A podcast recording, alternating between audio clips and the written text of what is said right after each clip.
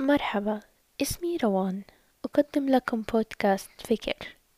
أشارككم فيها خواطري وتجاربي كمراهقة في بداية طريقها. حلقة اليوم بعنوان الخوف من البدايات. مرحلة جديدة في حياتك. تبدأ بأول يوم لك في المدرسة. تكسب الأصدقاء وتخسر بعضهم. انتظارك في المطار لتغادر بلادك لبداية فصل جديد في حياتك. كل منا لديه نقطة تحول في حياته. كل منا لديه قصة لم ولن تروى. كل قصة نجاح حدثت بسبب حدث ما. هل هي مجازفة؟ أم هي الحياة من تجبرنا على تقبل الواقع؟ عندما بدأت تسجيل حلقات هذا البودكاست كان ميعاد إصداره مقصودا. ها أنا على وشك كتابة فصل جديد في حياتي. ولكن هذه المرة أردت أن تكون أفكاري وخواطري يتم تداولها حول العالم. وقد نجحت. ألم يكن الخوف هو العائق؟ ألم يكن التغيير من ألد أعدائي؟ محيط جديد. التغيير. خوف لا ملاذ منه. فقاعة شكلتها أوهامك هو داء. ولكن هل نستطيع الشفاء منه؟ وكم من كربة أبكت عيونا فهونها الكريم لنا فهانت.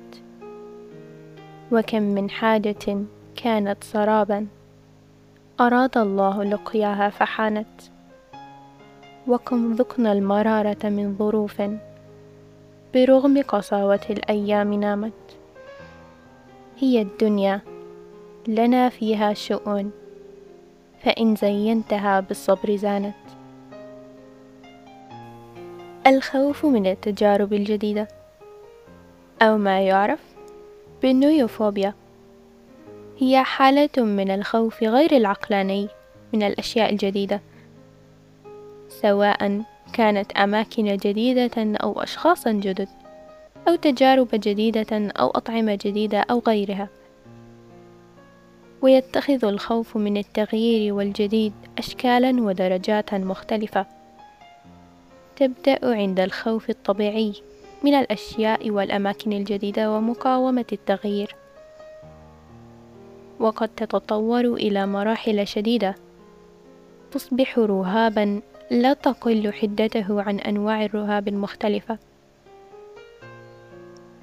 عادة ما يكون الخوف من التغيير والأماكن والأشياء الجديدة طبيعيا عند أغلب الناس. بسبب التمسك بمنطقة الراحة. وغالبا ما نستطيع تجاوز هذا الخوف أو هذه المقاومة عندما نجبر أنفسنا على الانخراط في التجارب الجديدة. لكن في بعض الأحيان يصل الخوف من التجارب الجديدة إلى نوبات الهلع وأعراض الرهاب المعروفة. والتي تتطلب استشارة المعالج النفسي المتخصص. في أغلب الحالات يكون سبب الخوف من البدايات أو الخوف من المجهول هو الخوف من كلام الناس. تلك الأحكام المكررة على كل منا.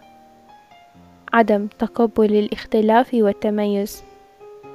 الخوف من الفشل والرجوع لنقطة الصفر.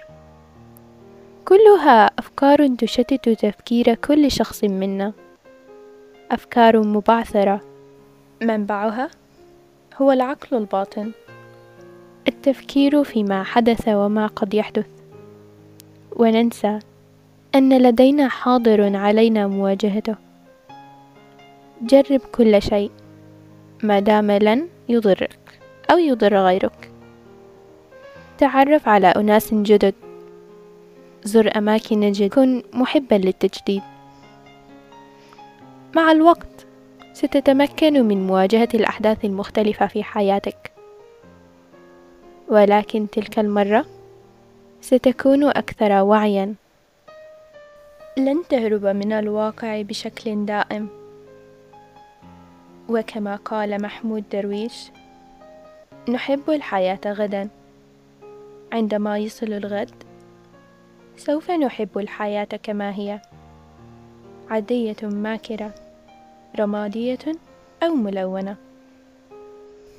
وهنا نصل إلى نهاية المطاف.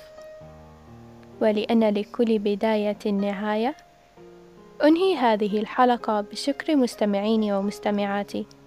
وإلى لقاء آخر في حلقة جديدة من بودكاست فكر.